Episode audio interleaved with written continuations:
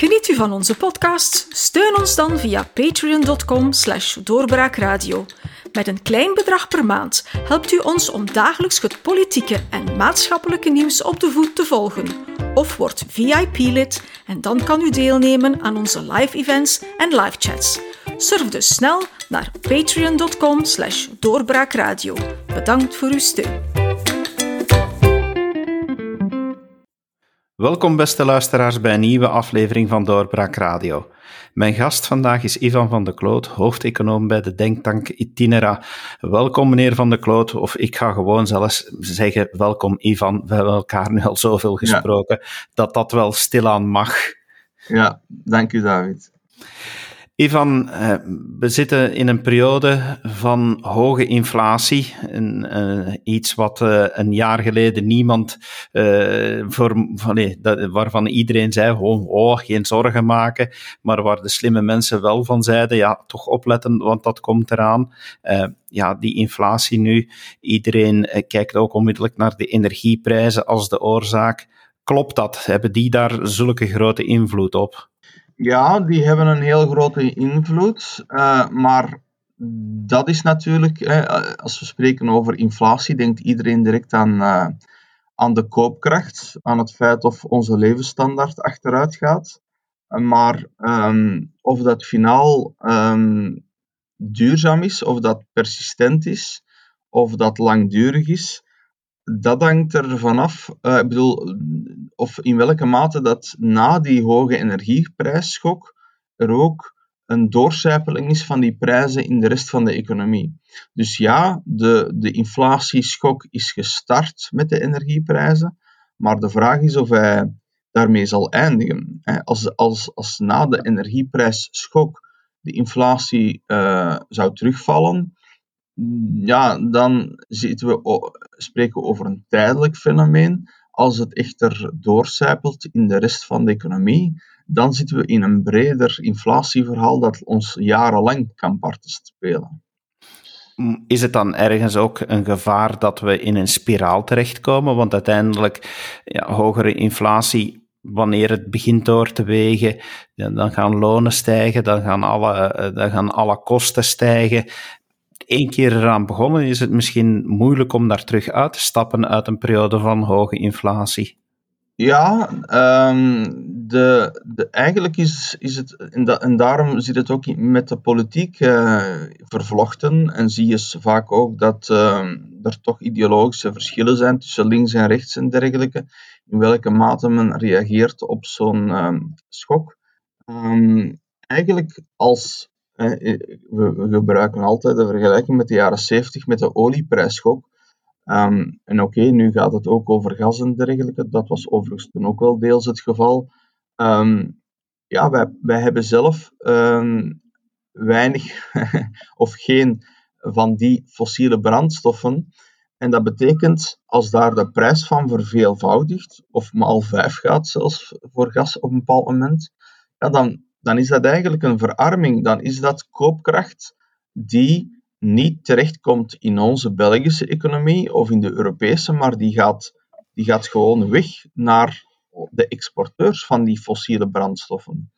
En dus dat is eigenlijk een collectieve verarming. En natuurlijk, um, als je dan zegt van laten we de pijn daarvan doorslikken, um, en um, want we kunnen daar eigenlijk niet veel aan veranderen. Dat is eigenlijk een externe schok die ons allemaal tegelijk treft. Um, dan is dat anders dan wanneer we daar externe, interne politieke strijd over beginnen voeren. Over wie betaalt de rekening, moet die doorgeschoven worden. Um, en ja, dat was in de jaren zeventig. Uh, was er eigenlijk die illusie uh, van we kunnen die, die externe schok eigenlijk um, oplossen intern. Um, ja, en dan heb je natuurlijk de discussie over de indexering van de lonen bijvoorbeeld.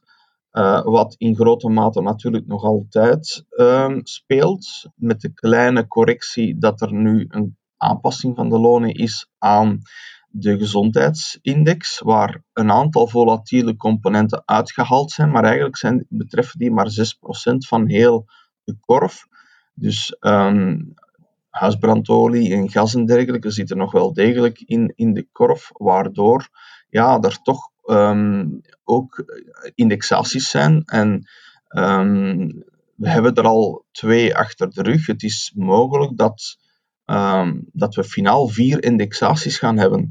En wat, wat zijn die indexaties? Ja, dat is een soort mechanisme dat automatisch opereert waarbij we een index hebben en daarmee meten we de gemiddelde bestedingen van de gezinnen.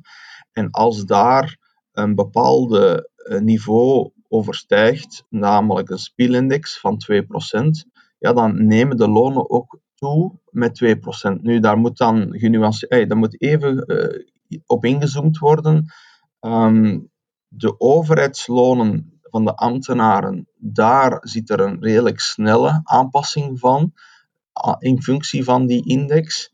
Um, in de private sector zijn er allerlei cao's die verwijzen naar die index.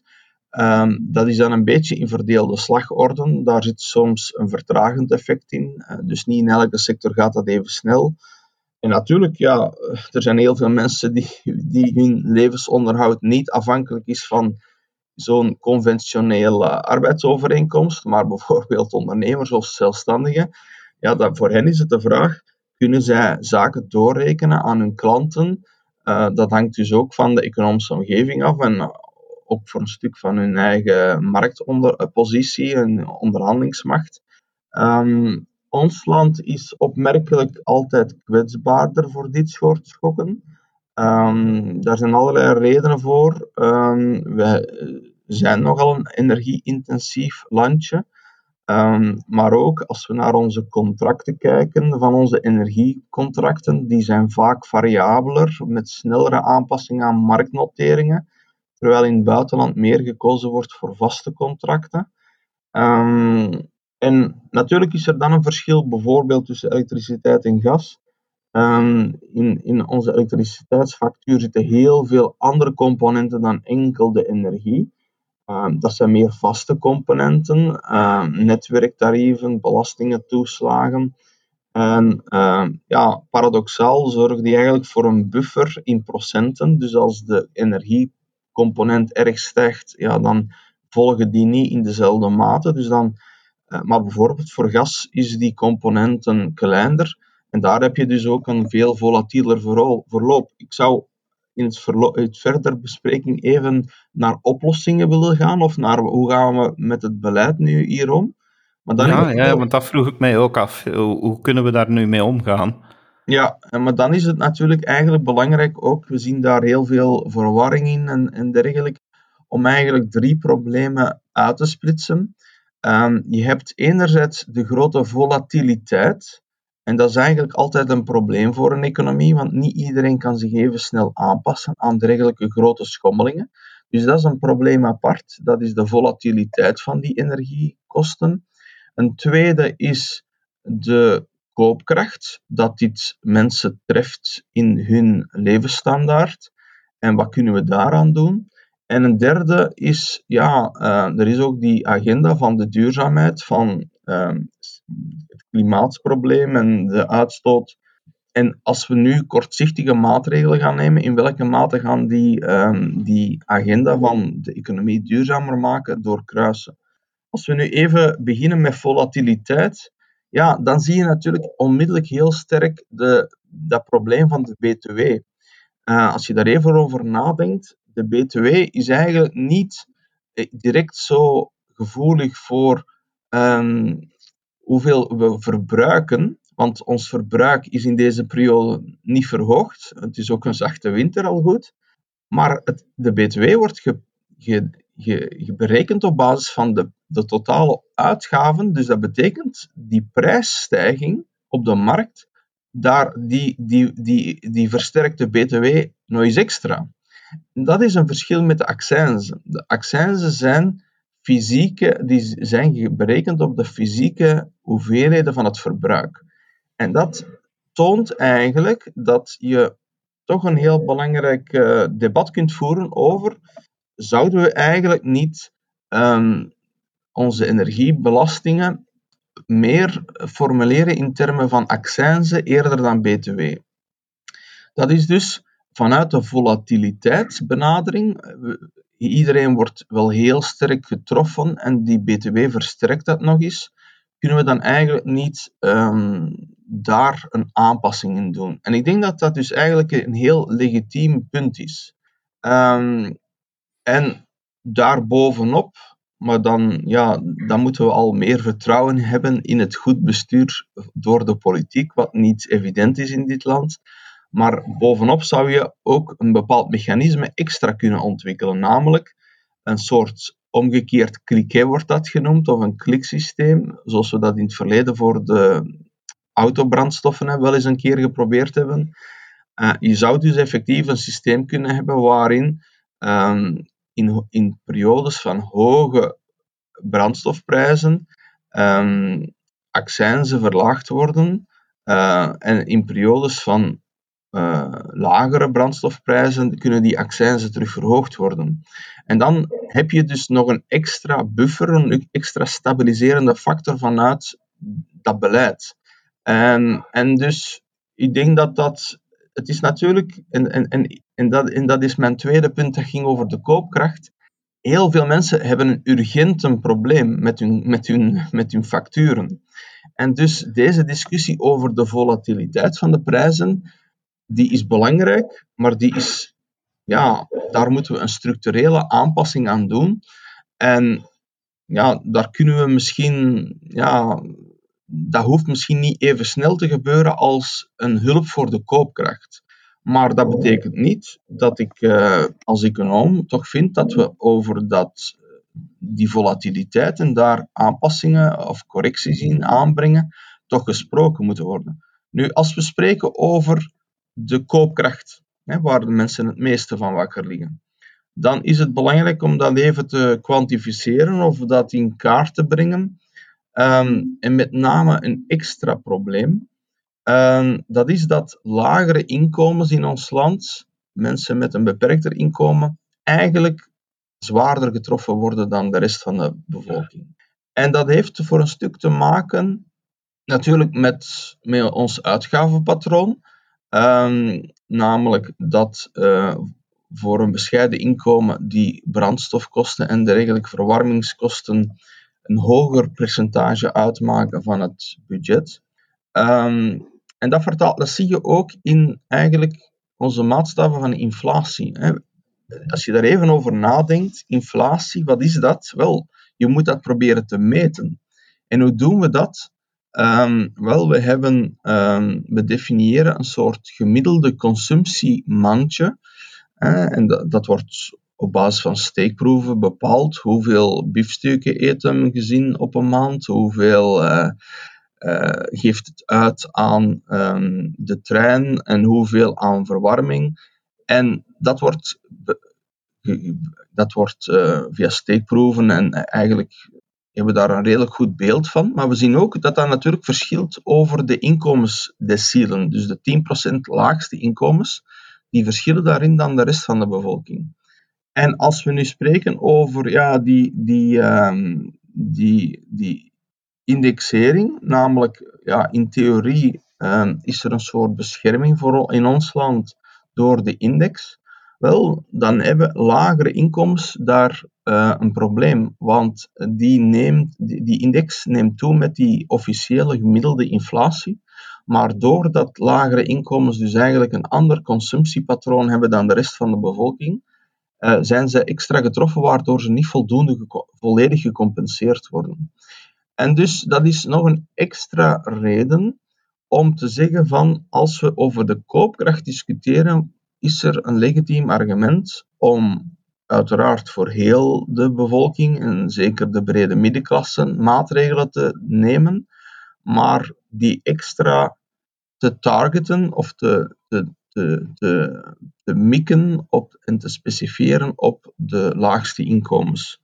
En dan, ja, dan is er natuurlijk de, de vraag hoe je dat gaat doen. Um, een tijdelijke BTW-aanpassing is, um, is één instrument. Het is het niet het meest evidente uh, dat dat het beste zou zijn.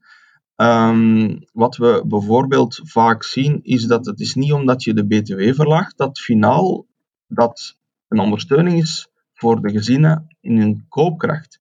Want je komt tussen op een markt en daar zijn ook producenten, daar zijn ook aanbieders van dat goed. En bijvoorbeeld, we hebben in de coronacrisis een btw-verlaging gegeven uh, voor, voor uh, de, de producten die uh, op terrassen, op restaurant worden gebruikt, in de horeca.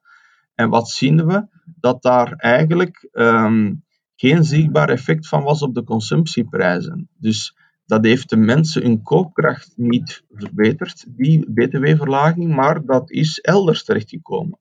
En ongetwijfeld in de marges van de horeca-uitbaters of de leveranciers van bier of weet ik wat.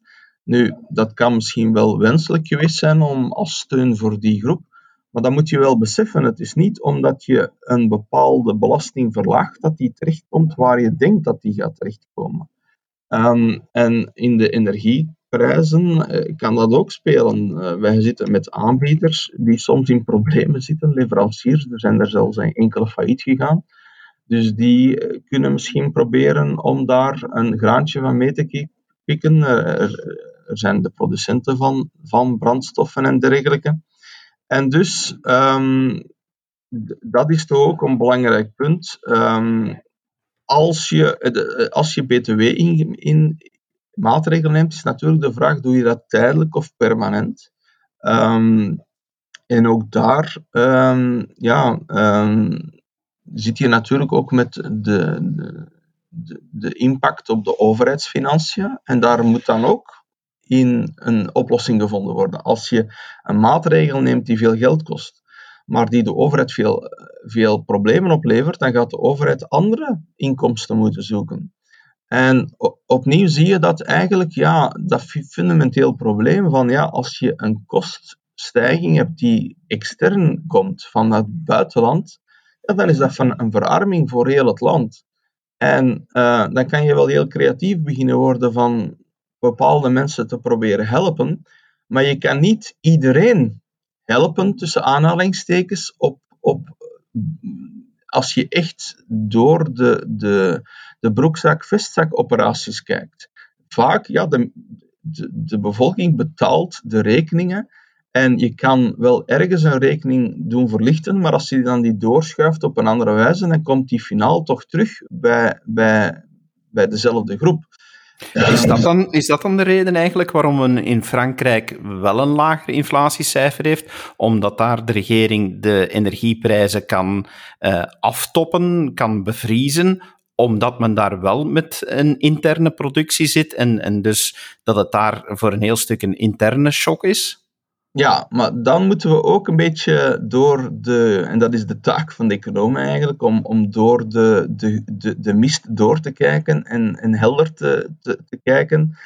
In, in Frankrijk heb je inderdaad EDF, eh, wat eigenlijk de facto een staatsonderneming eh, is, maar die wordt nu wel verplicht om zijn prijzen lager te houden. Maar dat betekent dat dat bedrijf miljarden verlies extra maakt. En, en wat zegt de minister van Energie dan in Frankrijk? Ja, uh, dat is gewoon wat wij beslissen, want wij zijn de eigenaar van dat bedrijf. Uh, en, maar, en dat doet hij ook om, voor een stuk is dat bedrijf ook uh, ja, genoteerd op de beurs en kwetsbaar voor, voor, voor speculatie of voor of voor mensen die eh, hun vertrouwen verliezen in dat bedrijf, dan zegt hij ja, maar de verliezen zullen wij als belastingbetalers wel bijpassen. Dus je ziet eigenlijk finaal ontkomt ook Frankrijk niet aan, die, aan dat probleem. Um, met name, uh, en dat is natuurlijk de vraag rond de uitgangspositie, misschien maakte dat bedrijf initieel veel winst op zijn nucleaire productie, want daar zit je dan met die uh, binnenlandse productie dat dan een verschil maakt. Dus dat kan je terecht zeggen. Als je minder gas importeert en meer nucleair produceert, dan heb je een, een betere buffer um, en ben je minder kwetsbaar voor die internationale prijzen. Maar ja, dat blijf je ook alleen maar trekken zolang dat um, er eigenlijk te veel winsten initieel waren in dat bedrijf. En, ehm, en vaak worden ook in België bijvoorbeeld ehm, de winsten al afgerond van nucleaire productie door de overheid. En dan is de vraag, hoe, hoe groot is die rek? Um, en finaal, ja, dan kom je dus opnieuw bij die paradox uit van als de belastingbetaler finaal die verliezen moet bijpassen in Frankrijk voor die energieproducent, dan, dan komt dat ook op, finaal terug op het bord van de belastingbetaler. En dezelfde middenklasse, zal ik maar zeggen. Maar opnieuw, dat kan natuurlijk in de tijd, en dat is inderdaad zo, dat is een buffer. Dat kan je, dan, je kan tijdelijk grote verliezen opstapelen binnen dat bedrijf, en waardoor dat, um, dat niet um, door de consument onmiddellijk moet opgehoest worden, maar die rekening komt dan wel later. Maar dat is legitiem om te zeggen van dat dat tijdelijk een buffer is. Maar iets anders is om te zeggen van dat dat een permanente oplossing is. Um, en, maar, maar zolang, natuurlijk kan je dan, maar dat kan je ook in ons land um, zeggen van ja, maar als we het via de belastingen oplossen, dan kunnen we het anders verdelen tussen de inkomensgroepen in, de, in het land, waardoor lagere inkomens wat uh, gebufferd worden. Nu, we zullen moeten zien wat de zomer geeft. Want uh, het is ook zo dat um, in ons land uh, het verbruik een stuk lager ligt in de zomer. Maar dat is ook uh, over, voor heel Europa nog altijd het geval. Ook ondanks de opkomst toch van airconditioning, wat natuurlijk op termijn zou kunnen betekenen dat ja, de piek in de zomer misschien even groot kan worden als de piek in, in de winter van energieverbruik. Um, maar um, ja, de, de, de manier hoe de overheid het oplost of probeert op te lossen, is ook door het sociaal tarief zogenaamd te gebruiken. Maar ook daar is de finale vraag wie betaalt de rekening. En het normale sociale tarief dat bestaat al jaren, dat is eigenlijk um, gebaseerd overigens op statuten van wie is er um, werkloos en wie heeft er een precaire situatie.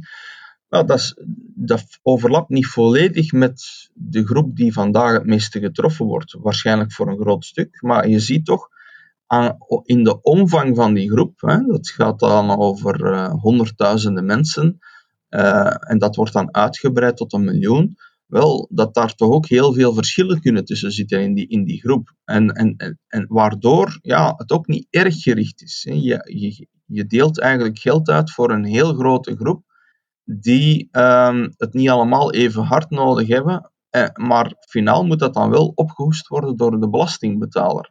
Waarom?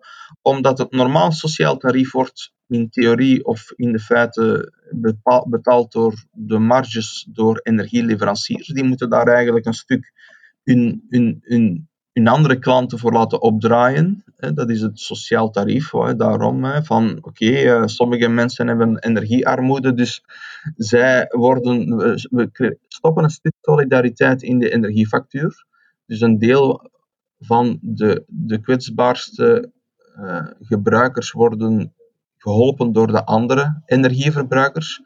Nu, uh, voor het verhoogd sociaal tarief, wat een maatregel is van de overheid, daar past de belastingbetaler voorbij. Dus als de overheid dat doet, um, en dat is een heel kostelijke affaire en dat is zeker niet de meest uh, doelgerichte voor degenen die het meeste nodig hebben.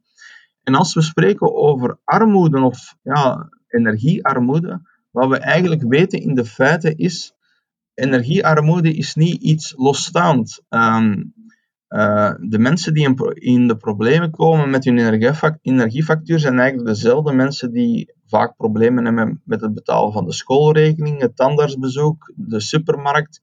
En dus dat stelt toch eigenlijk de vraag van, ja, um, moeten we eigenlijk niet gewoon een maatregel nemen in, via de algemene belastingen, uh, om armoede te bestrijden, ongeacht of dat nu energiearmoede is of een andere. Dus oké, okay, ik, ik accepteer natuurlijk de urgentie van het probleem vandaag.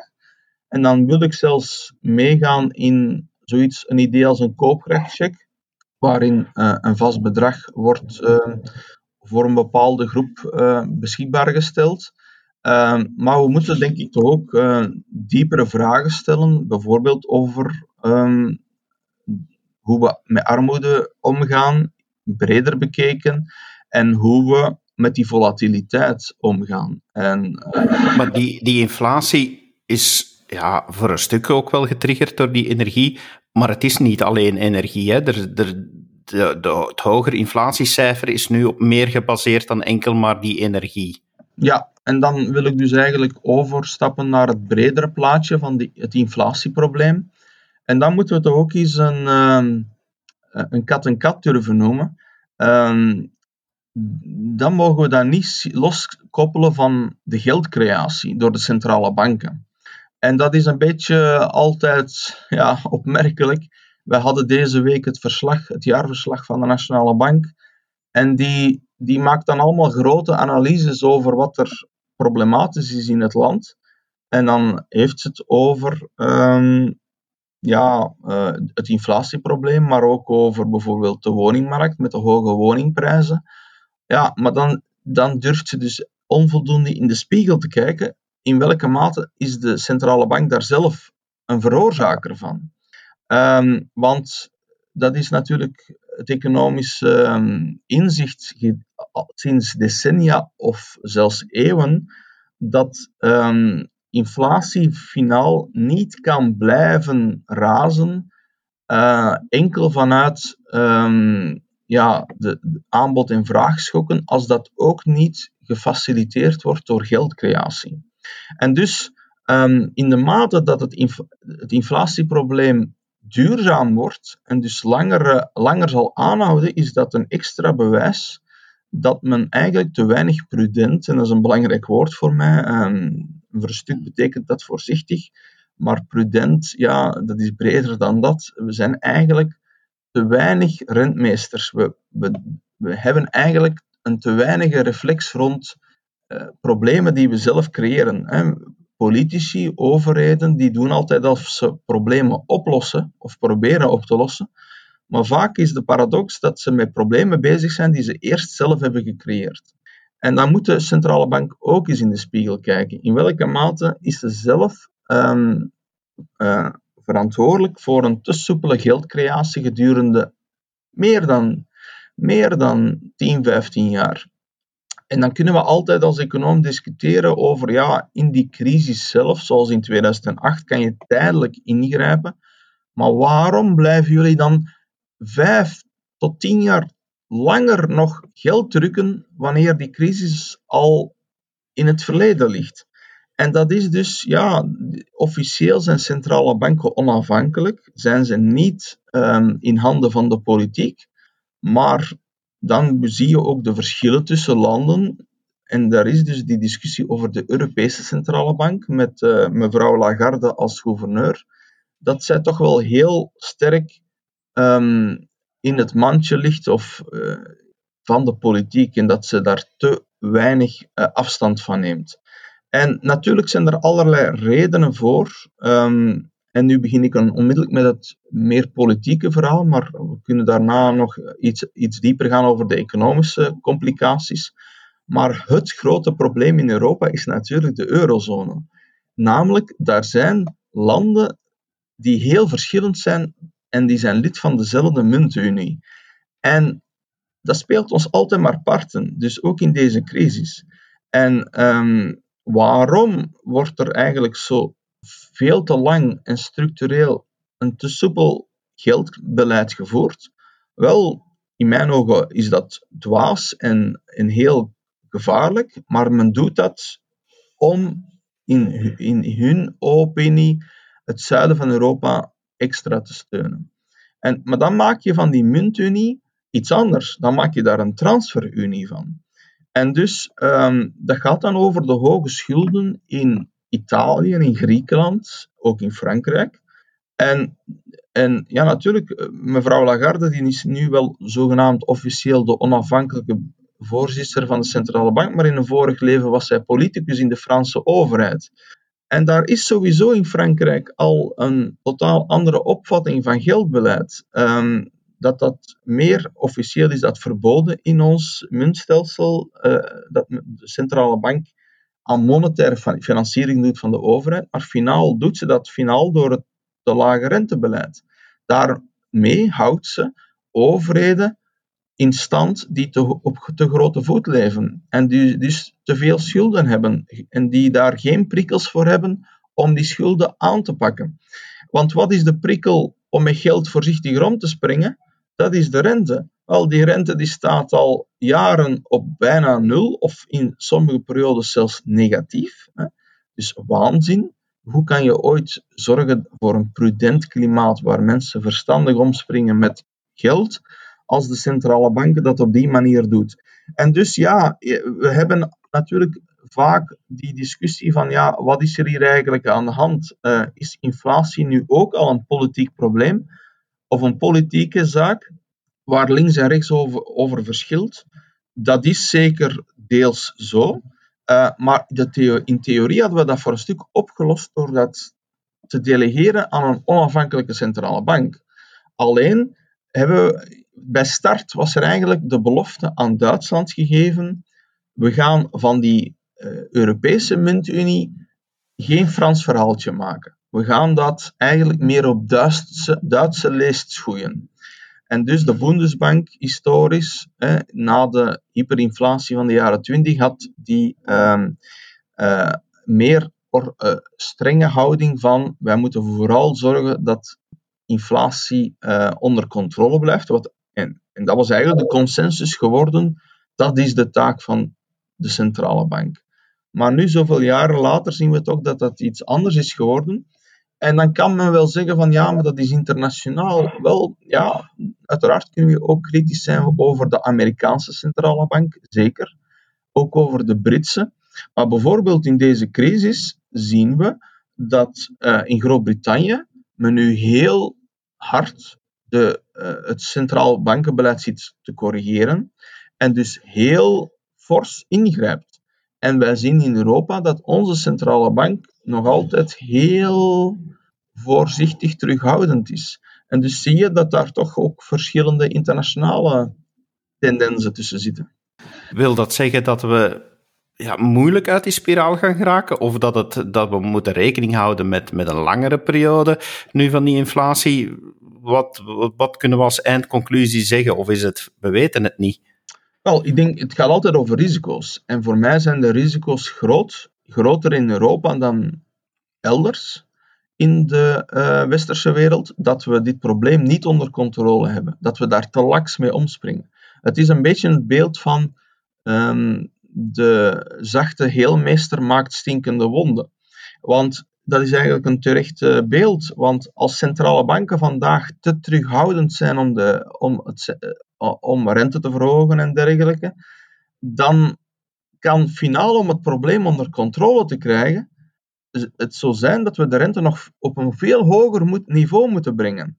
Dus als we sneller die spiraal doorknippen, dan moeten we misschien finaal op het einde van de rit minder ver gaan in onze renteverhogingen. En dat maakt wel een belangrijk verschil uh, voor hoeveel pijn deze aanpassing zal opleveren. Um, de, de, problemen zitten diep. We hebben op een korte termijn probleem van allerlei aanbodproblemen. Uh, maar we zien bijvoorbeeld in Amerika, uh, men spreekt daar over de Great Resignation. Dat betekent er is echt een soort verschuiving aan de hand op de arbeidsmarkt. Veel meer mensen in Amerika veranderen van job of trekken zich uit de arbeidsmarkt terug. Dat is een structurele shift in de arbeidsmarkt, waardoor de, het aanbod uh, beperkt wordt en daar, waardoor die, die inflatie of prijsproblemen een structurele component kunnen beginnen krijgen. Um, en dan kun je wel zeggen, ja, um, linkse partijen uh, kiezen sneller voor, ja, laat ons maar wat meer inflatie accepteren, want dat levert ons een beter, uh, minder stringent kader op, waardoor we hopelijk die werkloosheid wat kunnen verlagen. Maar dat is niet de context waar we in zitten. We zitten met knelpunten overal op de arbeidsmarkt. Werkgevers vinden geen mensen. Dus, um, en het is echt de taak van de centrale bank, want we weten hoe zwak de politiek is om ruggengraat te hebben om te zeggen van nee, we mogen dit probleem niet uit de hand laten lopen. We moeten um, echt kort op de bal spelen om die uh, spiraal te doen stoppen. En dus, um, ja, het, uh, we gaan een moeilijke periode tegemoet in Europa, omdat we, we hadden het eigenlijk een lange periode gemakkelijk. We, we hadden wel economische problemen, maar men dacht dat men dat kon oplossen door geld goedkoop te maken. En we komen uit die zone. Dat, dat is een regime dat we achter ons laten. We komen in een totaal ander tijdperk, waarin we die gemakkelijke keuze niet meer kunnen maken. En ik zeg ook wel eens voor jongeren, uh, mensen van in de dertig en dergelijke, die hebben dit nog nooit meegemaakt wat we nu gaan meemaken. En dus zij gaan toch wel eens um, wakker worden uh, van oké, uh, er is een reden waarom er centrale banken zijn die de plicht hebben om um, verder te kijken dan de politieke neus lang is en inflatieproblemen op tijd te stoppen. En ze gaan een aantal lessen leren, denk ik. Hè. Kunt altijd proberen de positieve noot te vinden in het verhaal. Misschien is het onvermijdelijk dat we dit soort periode tegemoet gaan, zodat ook onze jongeren eens de les leren. Een harde les misschien, maar een belangrijke les van, ja, uh, het is gevaarlijk om te denken dat je problemen kan oplossen door overal maar gratis geld tegenaan te gooien. En dat is een les die we nu gaan leren. Wel, laat ons op die noot eindigen. Het is uh, heel belangrijk om dat te realiseren. En ik wil je heel hartelijk danken, Ivan, om dat uh, uitgebreid toe te lichten, zodat onze luisteraars dat allemaal beter begrijpen. En u, beste luisteraar, hopelijk hebt u er ook wat uh, van kunnen opsteken en begrijpt u de, hoe de situatie is en waar we tegenaan kijken. Heel graag tot een volgende keer. Dag. Dag. Dit was een episode van Doorbraak Radio de podcast van doorbraak.be. Volg onze podcast op doorbraak.be/slash radio of via Apple Podcasts, Overcast of Spotify. Bezoek ook onze website op doorbraak.be en steun ons door een vriend te worden van Doorbraak.